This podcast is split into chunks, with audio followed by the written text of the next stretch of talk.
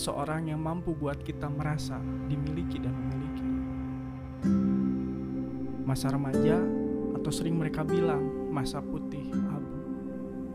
Masa di mana dua insan yang jatuh cinta tak perlu mencari banyak alasan tentang mengapa aku sejatuh cinta itu padanya. Karena yang mereka tahu saat itu adalah dia mampu membawakan sebuah hal yang dinamakan kebahagiaan. Karena hal yang terindah dari cinta ialah saat dua insan yang saling mencinta hanya tahu satu alasan bahwa aku cinta dia tanpa harus tahu alasan lainnya. Namun, saat seseorang jatuh cinta, di saat itu pula dia harus siap dengan patah dan kepiluan. Jatuh cinta dan patah hati adalah hal yang tak bisa terpisahkan layaknya dua sisi dari sebuah koin. Kisah cinta ini mungkin mampu menggambarkan jatuh cinta dan patah hati itu tak akan pernah terpisahkan. Suatu hari di plaza sekolah itu, sahabatnya menunjuk satu wanita berkerudung dari depan kelas mereka. Dia bilang, "Dia tuh, itu adik gue." Sambil seolah memperkenalkan dia pada laki-laki itu. Ya, sebutlah laki-laki itu Marco dan sahabatnya Fabian. Dari sanalah kisah itu semua dimulai.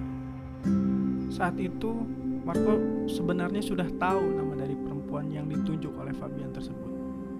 Namanya Dara. Karena jauh dari sebelum itu, Marco dan Dara sudah pernah bertemu saat Marco berkunjung ke rumah Fabian.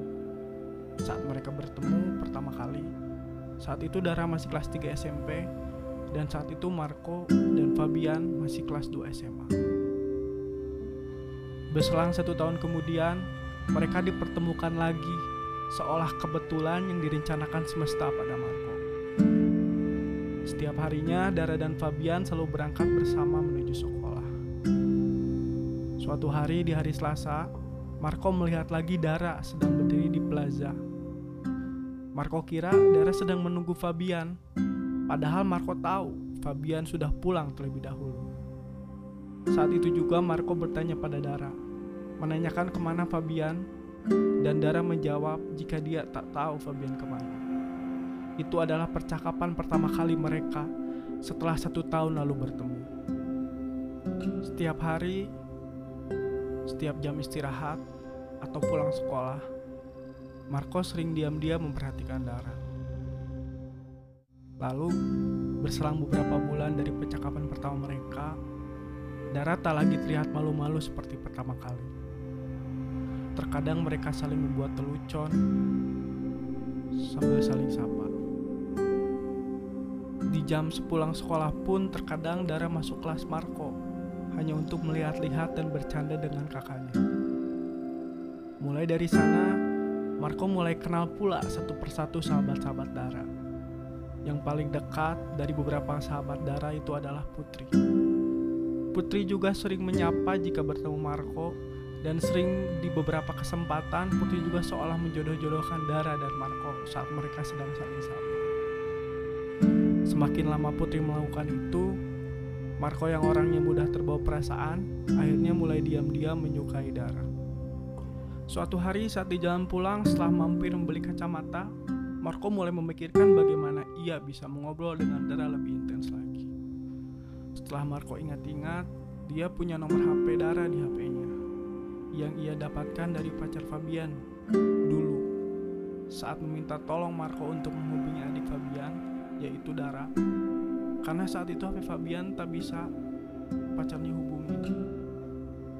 Namun saat itu Marco tak jadi untuk mengirimkan SMS pada Dara karena Fabian sudah mengabari pacarnya. Sampailah Marco di rumahnya. Marco memberanikan menyapa Dara lewat teks SMS. Lalu beberapa kali saling berkirim pesan, Marco meminta pin BBM Dara dan akhirnya mulai saat itu Marco bisa saling berkirim pesan BBM. Mereka hampir setiap hari berkirim pesan, bercanda bahkan saat mereka bertemu, mereka mulai terlihat akrab. Marco melihat Dara sebagai seorang yang lucu, suka sekali bercanda seperti dirinya, dan juga perhatian. Fabian juga bilang pada Marco kalau adiknya tak pernah sekalipun memandang fisik pada siapa pun yang suka padanya. Perkataan dari Fabian tersebut membuat Marco semakin yakin pada Dara. Dan ada pula beberapa momen yang membuat Marco semakin yakin. Yaitu saat suatu hari sepulang sekolah yang sudah nampak sepi dan Marco baru saja selesai membersihkan kelas bersama teman-temannya. Marco melihat Dara entah sedang menunggu siapa di lantai dua. Marco pun mengajak Dara untuk jalan bersama teman-temannya. Di depan gerbang, teman-teman Marco berpisah dengan Dara dan Marco. Marco pun menemani Dara hingga tempat dia naik angkutan umum. Dan di perjalanan, mereka tak banyak mengobrol, namun Marco sering menatap Dara lalu tersenyum. Dara yang saat itu sedang memainkan tisu di tangannya terlihat malu-malu. Saat itu Marco mulai berpikir Apakah tadi Dara menunggu dia pulang agar bisa jalan bersama? Dan di sanalah Marco semakin percaya diri. Dan ada satu momen di mana Marco yang tak sengaja menggandeng Dara untuk mengajak Dara bertemu teman sekelas Marco dari Australia. Dan Dara juga tak melepas genggaman Marco saat itu. Setelah sekian lama dekat, akhirnya sepulang sekolah Marco menyampaikan pada Fabian kalau dia meminta izin untuk dekat dengan Dara. Lalu Fabian menyampaikan sesuatu yang Marco belum mengetahuinya jika Dara sudah memiliki seorang kekasih. Namun Fabian mengatakan pada Marco untuk berusaha dulu dan lihat ke depannya. Dan tak lupa Fabian memberikan semangat pada Marco. Setelah percakapan mereka selesai, Dara turun dari tangga sekolah untuk menemui Marco yang pada malam sebelumnya Marco berjanji untuk membelikan es krim di minimarket seberang sekolah. Mereka akhirnya berjalan bersama menuju minimarket, diikuti Putri yang menuju minimarket juga untuk berbelanja. Setelah itu, Dara pamit untuk pulang bersama Putri dan mengucapkan terima kasih sambil tersenyum malu. Hari itu akan selalu Marco kenang dan tak akan pernah dia lupakan hari di mana dia merasa sangat bahagia karena pada akhirnya ada seseorang yang bahagia karena dia. Namun kebahagiaan itu hanya singgah sesaat karena kesalahan yang dia lakukan sendiri. Saat dibelikan es krim oleh Marco, Dara mengunggah foto es krim pemberian Marco di pet dengan caption mengucapkan terima kasih serta menyebut Marco di unggahan tersebut. Karena itu pula semua teman sekelas Marco tahu tentang kedekatan mereka berdua karena takut hal yang buruk terjadi lagi pada kedekatannya, seperti dulu dengan wanita lain. Keesokan harinya, saat mereka bertemu, Marco bilang untuk menghapus unggahan tersebut. Marco beralasan dia tidak mau banyak orang yang tahu karena dia takut semakin banyak yang tahu, semakin besar kemungkinan orang mengolok-ngolok, mencie-ciein darah dia risih lalu akhirnya menjauh. Ya seperti masa lalu Marco dengan wanita lain. Akhirnya dengan ada agak sedikit kecewa Dara bilang akan menghapus. Lalu pergi menuju kelasnya lagi. Memang benar unggahan itu hilang dan terhapus. Namun mulai saat itu juga Dara yang Marco kenal selama ini hilang. Dan sikapnya berubah. Meski ia sudah minta maaf dan Dara bilang nggak apa-apa. Tapi Marco seperti kehilangan orang yang ia cintai selama ini. Kedekatan mereka mulai saat itu renggang. Namun Marco selalu berusaha tak kenal lelah. Tetapi semua tak seperti semula bahkan sampai hari kelulusan Marco yang saat itu menjadi keyakinan baru karena di saat itu teman-temannya mengajak Dara yang saat itu menjadi panitia kelulusan untuk ikut mereka pergi ke sebuah mall bersama Marco untuk foto kelas. Dara yang sempat menolak, namun pada akhirnya dia ikut. Di mall itu Marco terus mencoba mencairkan suasana. Mereka berfoto, mengobrol, dan saat itu teman-temannya yang berpasangan satu persatu melakukan foto box dan Marco saat itu ingin sekali mengajak Dara untuk foto box. Namun karena Marco tidak berani menyampaikannya, akhirnya ia mengurungkan niatnya. Meski Marco sudah lulus, tapi dia selalu berusaha menjalin hubungan dengan Dara. Sampai suatu hari temannya mengajak dia untuk double date. Marco setuju dan pergi menuju SMA-nya dulu untuk mengajak Dara yang saat itu sedang ada acara OSIS. Berjam-jam Marco dan temannya menunggu, akhirnya Marco memberanikan diri untuk berbicara dengan ketua OSIS yang kebetulan ia kenal. Dara diizinkan untuk pulang duluan dan di saat itu Marco memberikan bunga buat Dara yang sudah ia siapkan sebelum berangkat menjemput Dara. Saat makan bersama temannya, Marco memperhatikan Dara sedikit demi sedikit mulai seperti yang ia kenal dulu, lucu, periang, dan sangat suka bercanda. Malamnya Marco sampai ke rumah Fabian mengantar Dara pulang. Marco sempat mengobrol dulu dengan Fabian dan temannya itu sebentar. Sampai saat ia pamit pulang, Terbersit di benak Marco untuk mengutarakan perasaannya pada Dara. Namun ia berpikir untuk menunggu waktu yang tepat pada akhirnya. Dan di sinilah kisah itu menjadi semakin kusut dan kelabu. Dan cinta itu berubah menjadi pilu. Setelah malam itu, Dara seolah hilang dari hidupnya. Pesan-pesan dia tidak pernah dibalas, telepon dia tak pernah diangkat. Dan saat Marco bertanya pada Fabian apa yang terjadi dengan Dara, dia tidak tahu apa yang terjadi karena Fabian melihat Dara seolah baik-baik saja dan membuat Marco bertanya-tanya. Satu tahun pun berlalu, Dara masih selalu ada di benak Marco, meskipun kini ia tidak tahu bagaimana keadaan dan kehidupan Dara.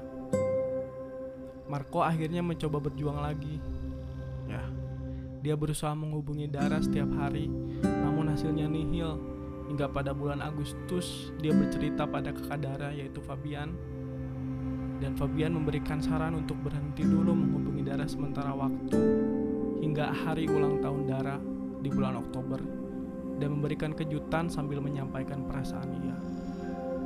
Marco pun mulai membuat rencana mencoba mendapatkan uang tambahan dari membantu pekerjaan kakaknya memesan kue, membeli kado, dan minta bantuan ke teman-temannya untuk membuat video ulang tahun yang romantis. Tibalah tiga hari sebelum hari ulang tahun Dara, dunia Marco seakan runtuh saat adik Dara mengabarkan kalau Dara sedang punya hubungan baru dengan seseorang. Marco yang kadung berencana dan sudah memesan semuanya bilang pada Mawar, adiknya Dara, kalau dia tetap akan memberikan semuanya yang sudah ia pesan dan akan ke rumah Dara di malam ulang tahun Dara. Sampailah di malam tersebut diiringi gerimis, Marco yang dibantu sahabatnya bergegas menuju rumah Dara. Drama silih berganti mulai dari Fabian yang mengirim pesan kalau di rumahnya ada pacar Dara. Dan Marco dan sahabatnya harus menunggu dulu di dekat rumah Dara. Sampai saat setelah memberikan kue dan kadonya lewat Fabian, Marco bilang untuk tidak memanggil Dara dan sampaikan pamit dia pada Ibu Dara. Namun, Ibu Dara menemui Marco. Marco dan sahabatnya tanpa berpikir panjang lari menuju motor yang terparkir agak jauh. Namun saat itu terdengar suara Dara memanggil. Marco pun menoleh dan Dara menyuruh mereka masuk dulu. Saat mereka hendak masuk rumah, terdengar suara mobil datang dan ternyata pacar Dara kembali lagi dan di saat pacar Dara keluar dari mobil, Marco dan pacar Dara saling menatap. Yang pada akhirnya ayah Dara menyuruh pacar Dara untuk masuk duluan bersama Dara. Marco yang terhenyak akan kenyataan kemudian pamit pada ayah, ibu Dara, Fabian dan Mawar. Fabian pun mencoba menguatkan Marco dan membuat Marco tak bisa menahan air mata adalah saat Ibu Dara tahu selama ini jika Marco berkunjung ke rumah Fabian itu hanya untuk bertemu Dara. Dan Ibu Dara bilang, yang sabar ya Marco. Ibu ngerti kok perasaan Marco. Ya tapi mau gimana lagi, sabar ya.